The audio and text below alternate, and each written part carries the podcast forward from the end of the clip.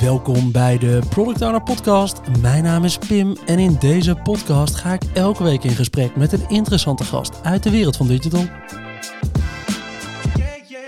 Deze week spreek ik met Marise, Product Owner IT Infrastructure bij Schiphol. Marise is vanuit diverse rollen al tien jaar bezig met agile werken en productontwikkeling. En gelooft enorm in het betrekken van sustainability in je productontwikkeling. Wanneer ik PO's de vraag stel of ze duurzaamheid meenemen in hun productvisie, is het antwoord zelden ja. Maar als we om ons heen kijken, zou dat eigenlijk wel een eis moeten zijn. Maar hoe doe je dat dan? Waar start je en hoe zorg je dat het niet eindigt in één groot wedstrijdje greenwashing? Dat is waar we het vandaag over gaan hebben. Hey Marise, leuk om je in de podcast te hebben. Ja, superleuk om hier te zijn, Pim. Dankjewel. Waarom is het mijn rol als PO om rekening te houden met sustainability? Omdat je als uh, product owner natuurlijk veel invloed hebt op het uh, product, de richting van het product, de ontwikkeling, ja. de kant waar het op gaat. En dat is juist ook de plek waarin je veel invloed kunt uitoefenen op het betrekken van zo'n onderwerp. Ja, wat denk ik ontzettend belangrijk voor ons allemaal is. Ja, waarom is het zo belangrijk voor ons allemaal? Ja, ik, ik heb zelf een, uh, een dochter. Uh, en ik denk altijd, ja, als we samen niet een uh, meer sustainable wereld achterlaten, dan heeft mijn dochter, die nu 12 is, ja. straks eigenlijk geen fatsoenlijke wereld meer om in te leven. Um, dus dat gaat over nou ja, de ideeproducten die we maken, maar het is eigenlijk een veel grotere visie. Ja, ik denk dat we met z'n allen moeten zorgen dat we de wereld een beetje leefbaar houden in alle opzichten. Heb je zo'n voorbeeld van een manier waarop je duurzaamheid of sustainability meeneemt in een product ontwikkelen? Ja, zeker. Um, nou ja, je, sowieso in de productvisie die je ontwikkelt. Ja. Uh, uh, als product owner met je team kun je natuurlijk zorgen dat je je voortdurend de vraag stelt hoe draagt dit product bij aan die duurzamere wereld, aan die betere wereld in de toekomst. Ja. Als je bedenkt dat, dat productontwikkeling, dus wat je als product owner doet, gaat over het nu, maar natuurlijk vooral ook over de toekomst. Hoe maken we het product voor de toekomst beter? En ik denk dat het heel erg een praktisch voorbeeld erbij is bij elk stukje visie en uiteindelijk vertalen naar elk stukje roadmap, stellen we onze vraag: hoe draagt dit dan bij aan die betere wereld? Ja, hoe heb jij dat ergens gedaan in, uh, in de afgelopen jaren? Waar, uh, waarvan je zegt, oh, dat was eigenlijk wel een succesvol stapje in de richting van sustainability? Uh, ja, zeker. Ik denk dat, nou ja, juist ook in die IT-infrastructuur maken we natuurlijk heel veel gebruik van hardware die heel veel, nou bijvoorbeeld energie verbruikt. Dat is ja. een heel simpel voorbeeld. Uh, en daar kun je allerlei afwegingen in maken, ook met het aanschaffen oh. van nou ja, producten die je gebruikt, maar ook keuzes die je maakt over nou ja, of je die apparatuur misschien soms uitzet. Ja. Een simpel voorbeeld, als dingen niet gebruikt worden, kun je ze natuurlijk ook afschalen of uitzetten. Um, nou, dat zijn hele, nou, eigenlijk hele simpele, tastbare voorbeelden die al een enorm verschil kunnen maken in uh, de duurzaamheid van je eindproduct. Ja, dat is wel waar. Nee, in, precies. Uh, we hebben het in autoscaling vaak met name over de richting van uh, hoe kun je zo groot mogelijk opschalen als ja. er uh, veel druk op je servers komt. Maar ja. ja. hoe vaak schalen mensen eigenlijk af wanneer de druk ja. wat minder wordt s'nachts? En neem je dan eigenlijk inderdaad minder energie op dan, dan dat je nodig zou hebben? Ja, en daar zit natuurlijk iets anders aan vast. als je ook kijkt naar de energie die je afneemt. Dus heel simpel de provider van je, van je stroom. Ja. Uh, persoonlijk zit ik uh, ook bij een, uh, als mens, zeg maar, ja. bij een groene stroomvoorziening. Ja. nou doet mijn huidige werkgever dat ook, mijn vorige ook. Maar dat zijn dingen die je bijvoorbeeld als product owner ook zou kunnen meegeven als... Kunnen we onderzoeken of we kunnen als bedrijf kunnen overstappen op een groene energieleverancier. Nou, ik denk dat we als PO's misschien nog wel meer bezig zijn aan de kant van onze. De meeste stroomkosten zitten niet in het kantoor zelf, maar die zitten allemaal in het datacenter. Wat, ja, absoluut. Uh, ja, ja, ja, absoluut. wat onze stroom breed. Want daar draaien al die grote computers. Nee, absoluut. Nou ja, dat is inderdaad met mijn pet op ook waar ik aan dacht. Maar dat, dat, inderdaad, wie is de, de, de leverancier voor je datacenter uh, energie? En dat maakt enorm uit. Oh, dat is een leuke. Nou, voordat we helemaal verder dat uh, onderwerp induiken, vind ik het wel leuk om even iets meer van jou te begrijpen.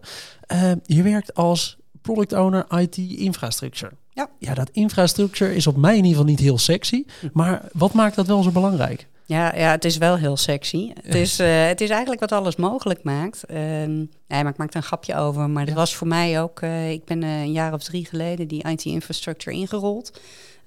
daarvoor was ik veel meer aan de nou ja, echte product voor eindklant bezig. Um, en het was niet een uh, bewuste keuze om die uh, IT-infrastructure uh, in te gaan. Althans, het, niet het was niet het plan vooraf. Maar ik zag bij de organisatie waar ik hiervoor zat dat het daar moeizaam ging. Dat vaak ook opleveringen van producten voor publieke klanten bijvoorbeeld in dat geval vastliepen, omdat het in de, in de infrastructuur moeizaam ging. Het heel lang duurde voor servers werden opgeleverd. Nou ja, dat soort vraagstukken. Toen dacht ik op een gegeven moment, ja, als ik kijk naar de hele waardeleveringsketen, dan zit hier wel heel veel toegevoegde waarde om die basislaag die we allemaal for granted nemen, waarvan we allemaal maar denken, nou die moet het gewoon doen, die moet er zijn. Ja. Alsof dat op magische wijze tot stand komt. En toen ben ik daar eigenlijk ingerold en daar ook ontzettend verliefd op geworden, omdat ik denk, het zijn allemaal mensen die keihard werken aan die basislaag, vaak een enorme passie hebben voor wat ze doen. Het is iets wat er moet zijn, natuurlijk een commodity, hè, dat is ook zo. Ja. Uh, moet het gewoon doen. Maar oh wee, als het het niet doet, dan weten we allemaal deze mensen te vinden. heel snel onder de Ja, absoluut. Ja, en dat is, nou, dat vind ik wel heel mooi. En, en ook in mijn, nou ja, waar ik dan nu zit, merk ik ook heel erg, ja, als er dingen niet goed gaan, dan, dan, nou ja, op dit moment heeft de luchthaven daar dan dus last van. Ja, en dat, is, uh, ja. Ja, je kan je niet voorstellen als IT-infrastructure op Schiphol het niet doet. Ja, ja. Nee, dat, gaan ja. lopen de gevallen ook al snel in de, in de miljoenen euro's als er daar eh, echt dingen misgaan. Ja, ja. Wow. Hoe ziet dat er dan uit in je huidige scenario? Kun je me daar een beeld van geven? Hoe ziet jouw rol als product owner, IT-infrastructure op Schiphol, hoe ziet dat eruit? Dat, uh, nou, de IT-infrastructure valt eigenlijk een aantal dingen uit elkaar. Het is echt de basislaag van nou, datacenter, wat we natuurlijk net eigenlijk al even over hadden, maar gaat ook over storage, gaat over backup, uh, disaster recovery, dat soort dingen. Um, maar het gaat ook over compute, dus uh, VM's Linux, VM's Windows, dat soort dingen. Ja. Nou, daar hebben we een heel groot deel levering. business as usual, zoveel mogelijk ook geautomatiseerd. In ons geval een webshop. Uh, dat verschilt natuurlijk per klant uh, hoe ver ze daarin zijn. Maar nou, dat zijn eigenlijk de meer van hetzelfde. Klik, klik, next. Um, of next, next, finish moet ik misschien wel zeggen. uh, maar er is natuurlijk ook een deel doorontwikkeling. want wij proberen natuurlijk ook te anticiperen op wat nou ja, onze klanten, en dat zijn in ons geval geen eindklanten, maar de developers binnen de organisatie. Uh, wat die gaan nodig hebben, wat er aan gaat komen. Dus nieuwe oh. ontwikkelingen in het hele vakgebied van die, van die developers die dingen gaan nodig hebben, waarvan wij dan kunnen zeggen, hey, dan moeten we wel zorgen dat we daar klaar voor zijn, ja. uh, zodat we daarin mee kunnen. Want uiteindelijk is onze, nou ja, onze North Star metric is het verhogen van die developer experience binnen Schiphol. Ja. Um, dus ja, eigenlijk alles wat we doen, uh, heeft daar ook iets mee te maken. Oh, kijk aan. Doe je dan ook als jouw klantonderzoek doet, spreek je dan dus gewoon met de developers eigenlijk in, je, in de omgeving van Schiphol om te kijken wat de nieuwe technieken zijn die zij voor ogen zien voor de komende tijd? Ja. Ik spreek over hun klanttevredenheid, over uh, wat wij in IT-infrastructure opleveren. En over nou ja, waar ze mee bezig zijn, waar ze mee aan het flirten zijn, waar ze wel eens naar lonken. Ja. Uh, ja en op grond daarvan uh, bepalen wij onze visie en, en de roadmap. En nou, ontwikkelen we ook ons product door. Dus we hebben een groot stuk levering, maar net zo goed ook wel productontwikkeling. Cool, cool. Dat is wel, uh, dat is wel inderdaad een andere wedstrijd die je dan speelt als PO dan uh, de gemiddelde, uh, nou, in ieder geval B2C ja. product owners al helemaal, maar ook wel B2B ziet er vaak anders uit dan wanneer je aan de infrastructure kant zit, waar inderdaad die basislaag bijna wordt gezien als een hygiëne ja. die gewoon moet werken. Um, maar waarvan je wel altijd verwacht dat ze ook klaar zijn als jij de volgende stap wil gaan maken. Ja. Want ja, ik denk dat ik niet voor, alleen voor mezelf spreek als ik zeg dat als IT-infrastructuur de bottleneck wordt op een productontwikkeling, dat ik daar wel geïrriteerd van zou zijn. Dat ik zou denken, ja, het kan toch niet zo zijn dat onze infrastructuur niet klaar is om deze volgende stap te maken. Nee, nou, dat is grappig en dat, uh, daarom ben je niet uh, alleen. Uh, dat hoor ik natuurlijk vaak. En het grappige is natuurlijk, ja, je ziet ook vaak, ik denk dat we ook, ook nou ja, de luisteraars van de podcasters vast zullen herkennen, dat het vaak wel zo is. dat er vaak wel degelijk belemmeringen zitten op dat ja, de IT-infrastructure nog niet meegegroeid is. Een mooi voorbeeld is van mijn vorige opdracht. Um, waar, heel, waar het ging om heel veel dataopslag. En we zaten daar eigenlijk met een storage oplossing die gewoon niet meer paste bij de explosieve groei aan data. En vooral een ander type data, waar het vroeger platte tekstfoutjes waren. Die nemen niet zoveel opslag in. Uh, werden dit steeds meer video's en e-mailberichten en, en, nou ja, plaatjes en ander soortig materiaal. Waardoor die dataopslag enorm groeide. Ja, daar waren we eigenlijk in eerste instantie helemaal niet klaar voor. Ik bedoel, het werkte wel, maar het was niet uh, een stap vooruit. Nee. Nee. Oh. nee. En dan is natuurlijk IT-infrastructure van oudsher heel, uh, nou hoe zal ik het zeggen, uh, niet zo wendbaar. Ja. Dus het feit dat je op een gegeven moment constateert het moet anders, maar voor het dan daadwerkelijk anders is, ben je vaak ook nog wel even Ja, onderweg. Zeker, dat kan bij grote banken en dat soort zaken. Kan Ja. dat natuurlijk jaren duren voordat Ja. zo'n infrastructuur eh, overgezet is. Oké, cool om naast even sustainability ook eventjes wat meer te begrijpen van hoe je wereld als PO in de IT-infrastructure er nou uitziet. Leuk. Laten we even de draai gaan maken naar dat hoofdonderwerp toe. We gingen het hebben, van tevoren hadden we het er even over. Ja, waar moeten we het nou eens over hebben in deze aflevering? Toen zei ja, sustainability ben ik wel veel mee bezig. Ja. Ik, ja, maar weinig PO's nemen sustainability eigenlijk mee in hun product. Toevallig waren we, nou, dit is nu de woensdag voor de opname van deze aflevering. Je gaat het me later pas horen, maar toen was er de International Product Owner Day. Waar we toevallig een spreker hadden over eh, sustainability. En dat was een moment dat ik even de kans had om 300 PO's letterlijk te vragen. Wie neemt er sustainability mee in zijn productvisie? Nou, van de 300 mensen die daar voor mijn neus zaten, ik durf te zeggen dat er zo'n 30, 40 handjes omhoog gingen. Nou, dus een groep van zo'n 10% in die zaal nam het wel mee. Maar ja, daarmee ook 80, 90% die het niet meeneemt. Dus ik vond het ook wel leuk om het er vandaag verder over te gaan hebben. Want ja, laten we even starten bij de basis. Wat verstaan we onder sustainability?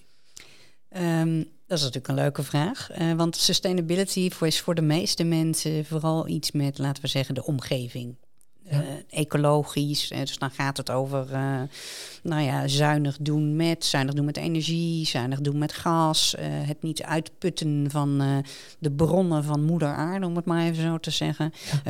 Niet vliegen, minder vliegen, dat soort dingen. Dus, dus dan gaat het heel erg over ecologische afwegingen.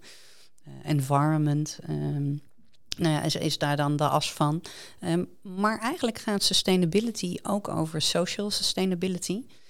Dus met elkaar toegroeien naar een, nou ja, nu klink ik waarschijnlijk heel eh, ideologisch, maar naar een, naar een beter verdeelde wereld. Dus bijvoorbeeld als het gaat over armoede, maar dan gaat het ook Ja. over diversiteit en inclusie.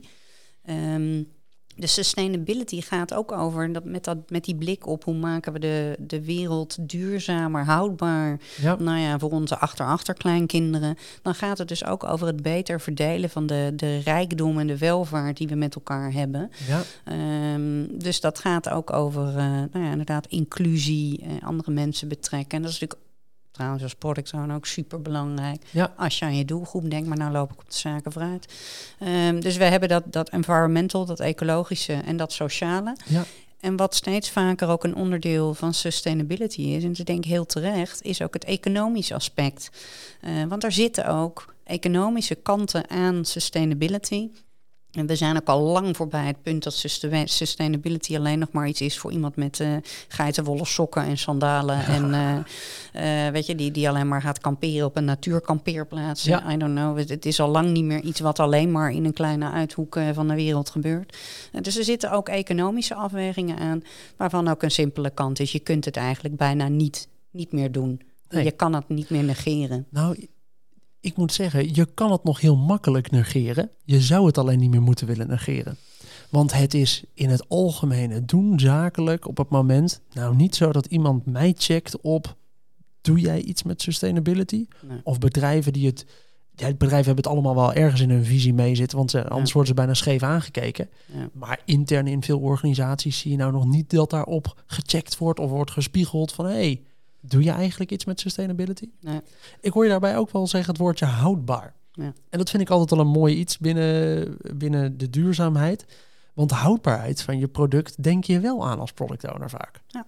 Bouw ik nu iets wat niet alleen nu goed is, maar ook over vijf jaar nog zou kunnen presteren? Ja. En eigenlijk is dat ook al een, een kopje binnen dat sustainability. Ja, absoluut. Het is een hartstikke mooi bruggetje dat je maakt. Want ik denk dat ehm, ja, waar we bijvoorbeeld regelmatig nieuwe releases van producten doen. Ja. En dan zeggen het is niet meer compatible met, nou ja, eh, afhankelijk van het product, hè, maar bijvoorbeeld je vorige model telefoon, Ja. eh, je vorige, vorige model OS, eh, wat het ook maar mogen zijn.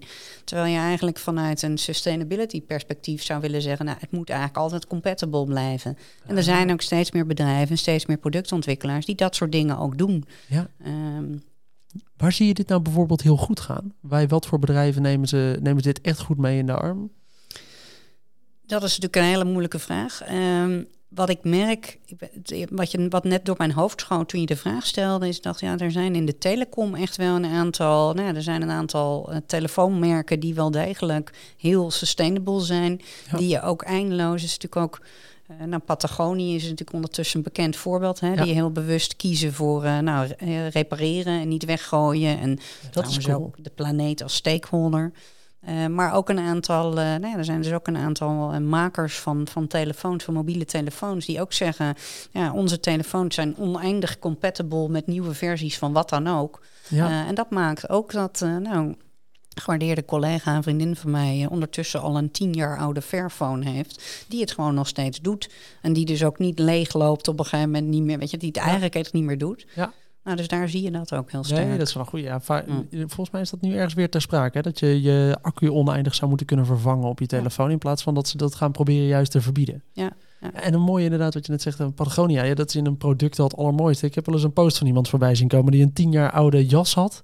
Met een gat ergens erin uh, onder de oksel die die gratis kon terugsturen volgens mij zelfs en gerepareerd kreeg. Ja, dat klopt. Ja. ja, Patagonië is daar echt wel een mooi voorbeeld in. Die kiezen heel bewust voor, uh, nou ja, wij, wij, willen dat je iets uh, repareert en nog een keer hergebruikt en niet meteen weggooit en nieuw, uh, nieuw product koopt. Ja.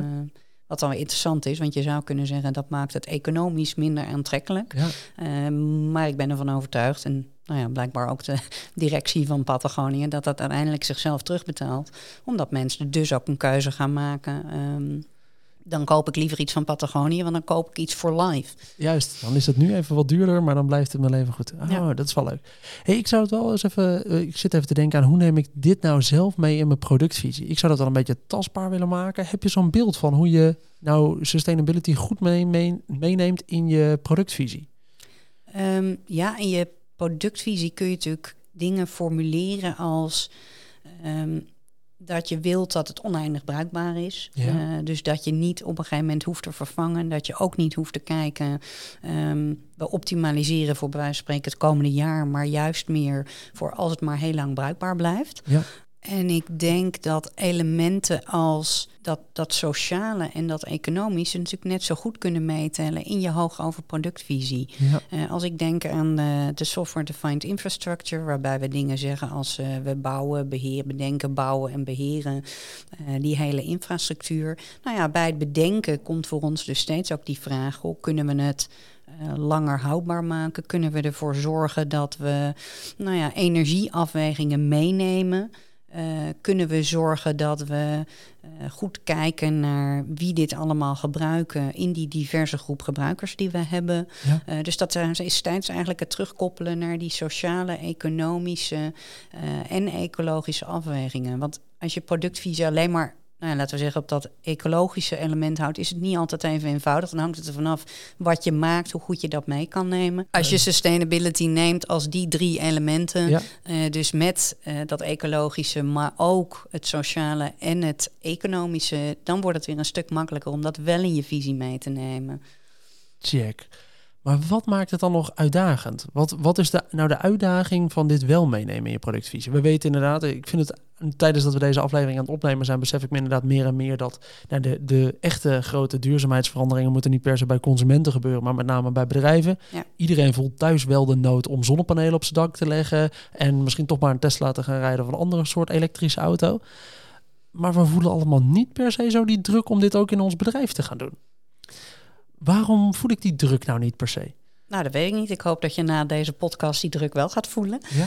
Uh, nee, maar ik denk dat er een aantal elementen in zitten. Uh, ik ben het helemaal met je eens dat ook bedrijven dit grotendeels moeten dragen. Ja. En dat we daar consumenten makkelijker mee maken. Maar ik denk dat het ook voor consumenten, uh, en dat is voor consumenten en bedrijven het geval, begint met je er in ieder geval van bewust worden.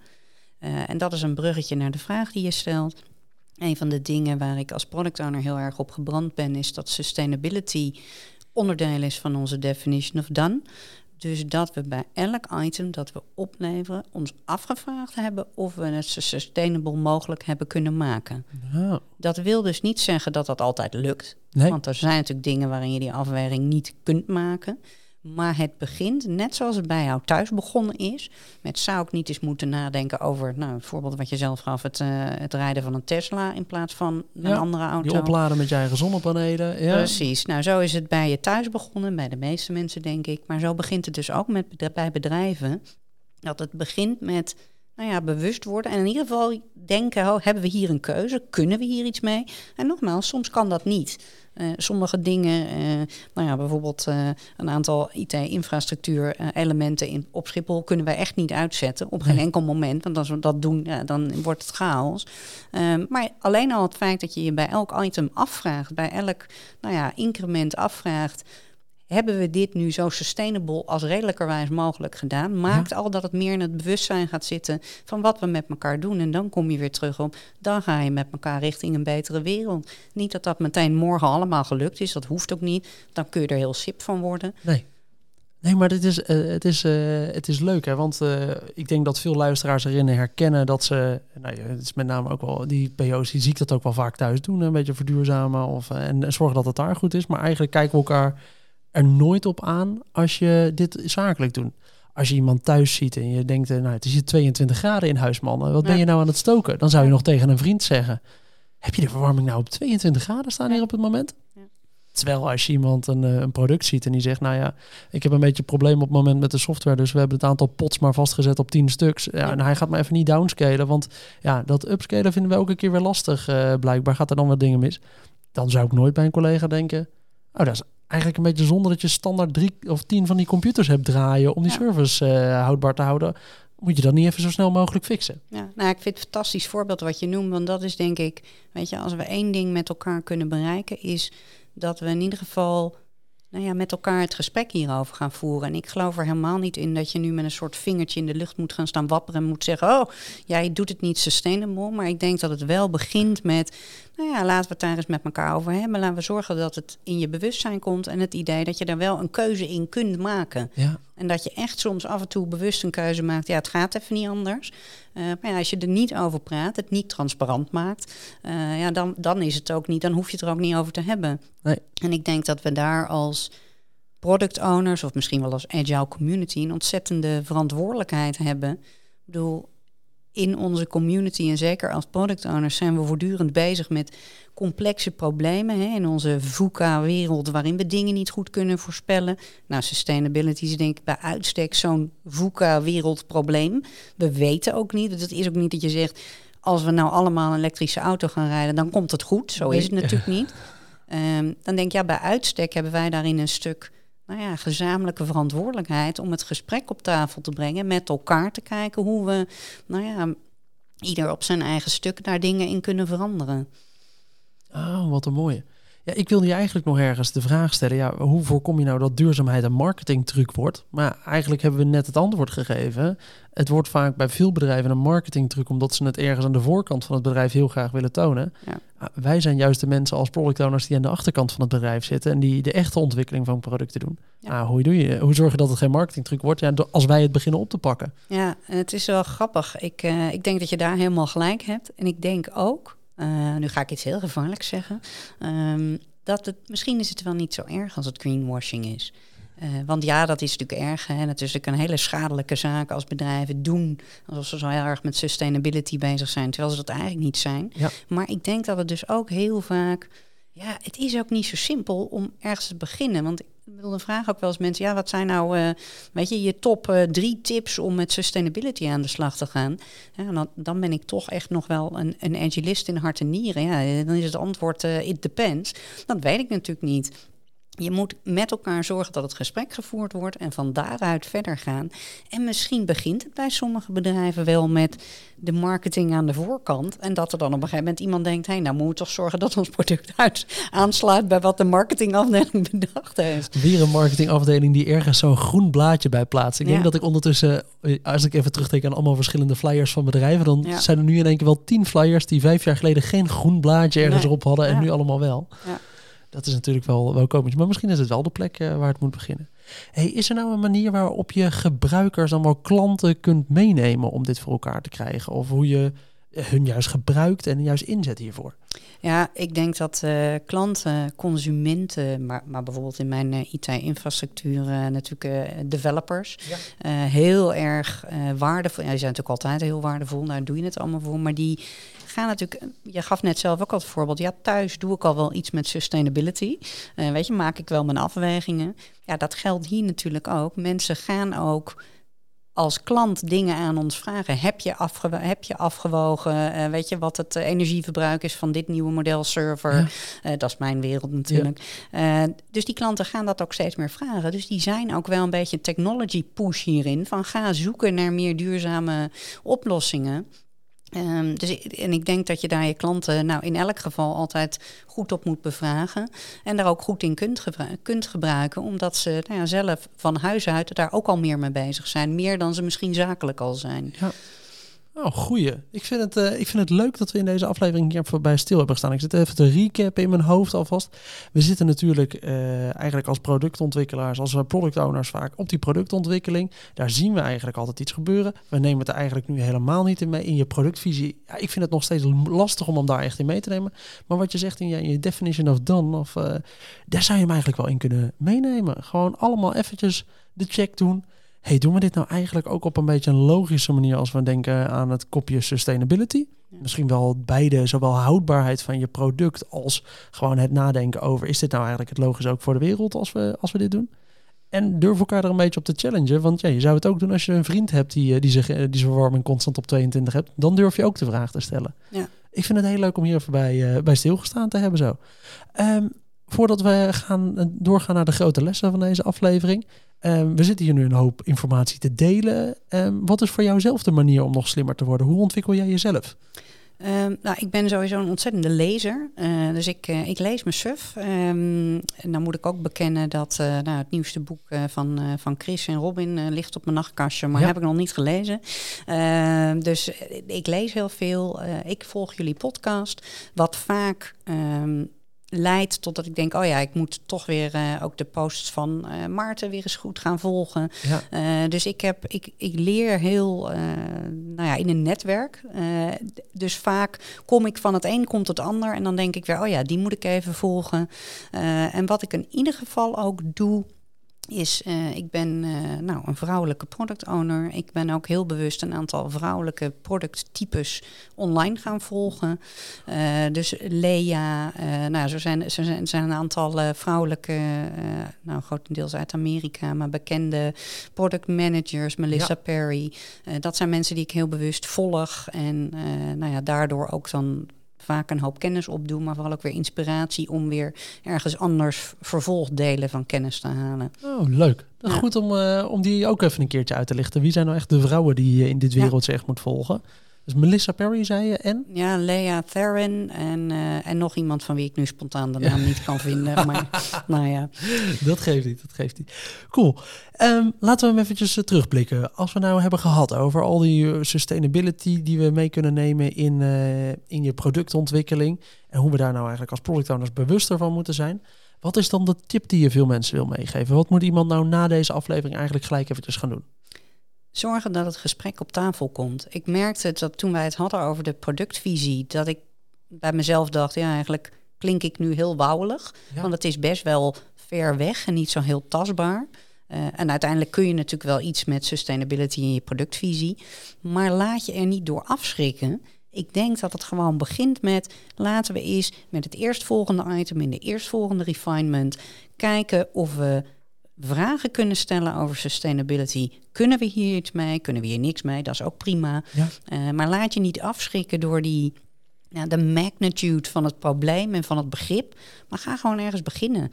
Uh, eigenlijk ook heel agile. Hè? Begin gewoon, uh, uh, weet je, ga er maar uit, uit, ga het uitproberen en kijk waar het je brengt. Maar zorg dat het onderwerp op tafel komt. Bij je team, bij je product management, bij het leadership. Want als product owner heb je juist daar nou ja, heel veel tentakels waarmee je andere mensen kunt raken. Cool, vind ik leuk. Je had het van tevoren voor deze aflevering ook even over een paar vragen die je eigenlijk moest stellen. Klopt dat? Je had ergens een linkje? Nee, ik heb. Uh, nee, ja. ja. een beetje van beide. Ja, nou, wat een van de dingen. Um, Je kunt natuurlijk in bijvoorbeeld een retrospectief ook als product owner invloed uitoefenen op dat onderwerp van sustainability. En als je nou wil dat sustainability meer een onderwerp wordt in je teams, in je organisatie, kun je bijvoorbeeld ook een survey doen met vragen die je aan je team en je organisatie, je leadership kunt stellen om die bewustwording over uh, sustainability groter te krijgen.